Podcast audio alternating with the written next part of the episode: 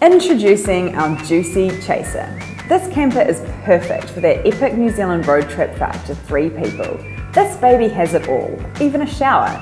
So start picturing yourself waking up fresh along the coast of New Zealand now.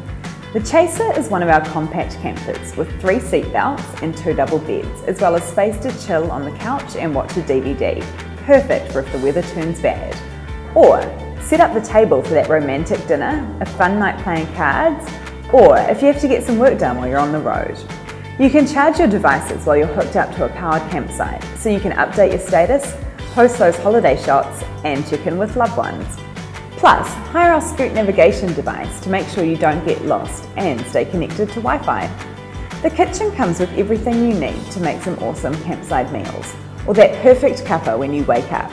Just a quick stop at the supermarket and you'll be cooking up dinners and creating memories from your juicy chaser in no time. At Juicy, we like to keep it clean, so we even packed the shower. That's right, you can forget the shower dash across the campground and sing to your heart's content.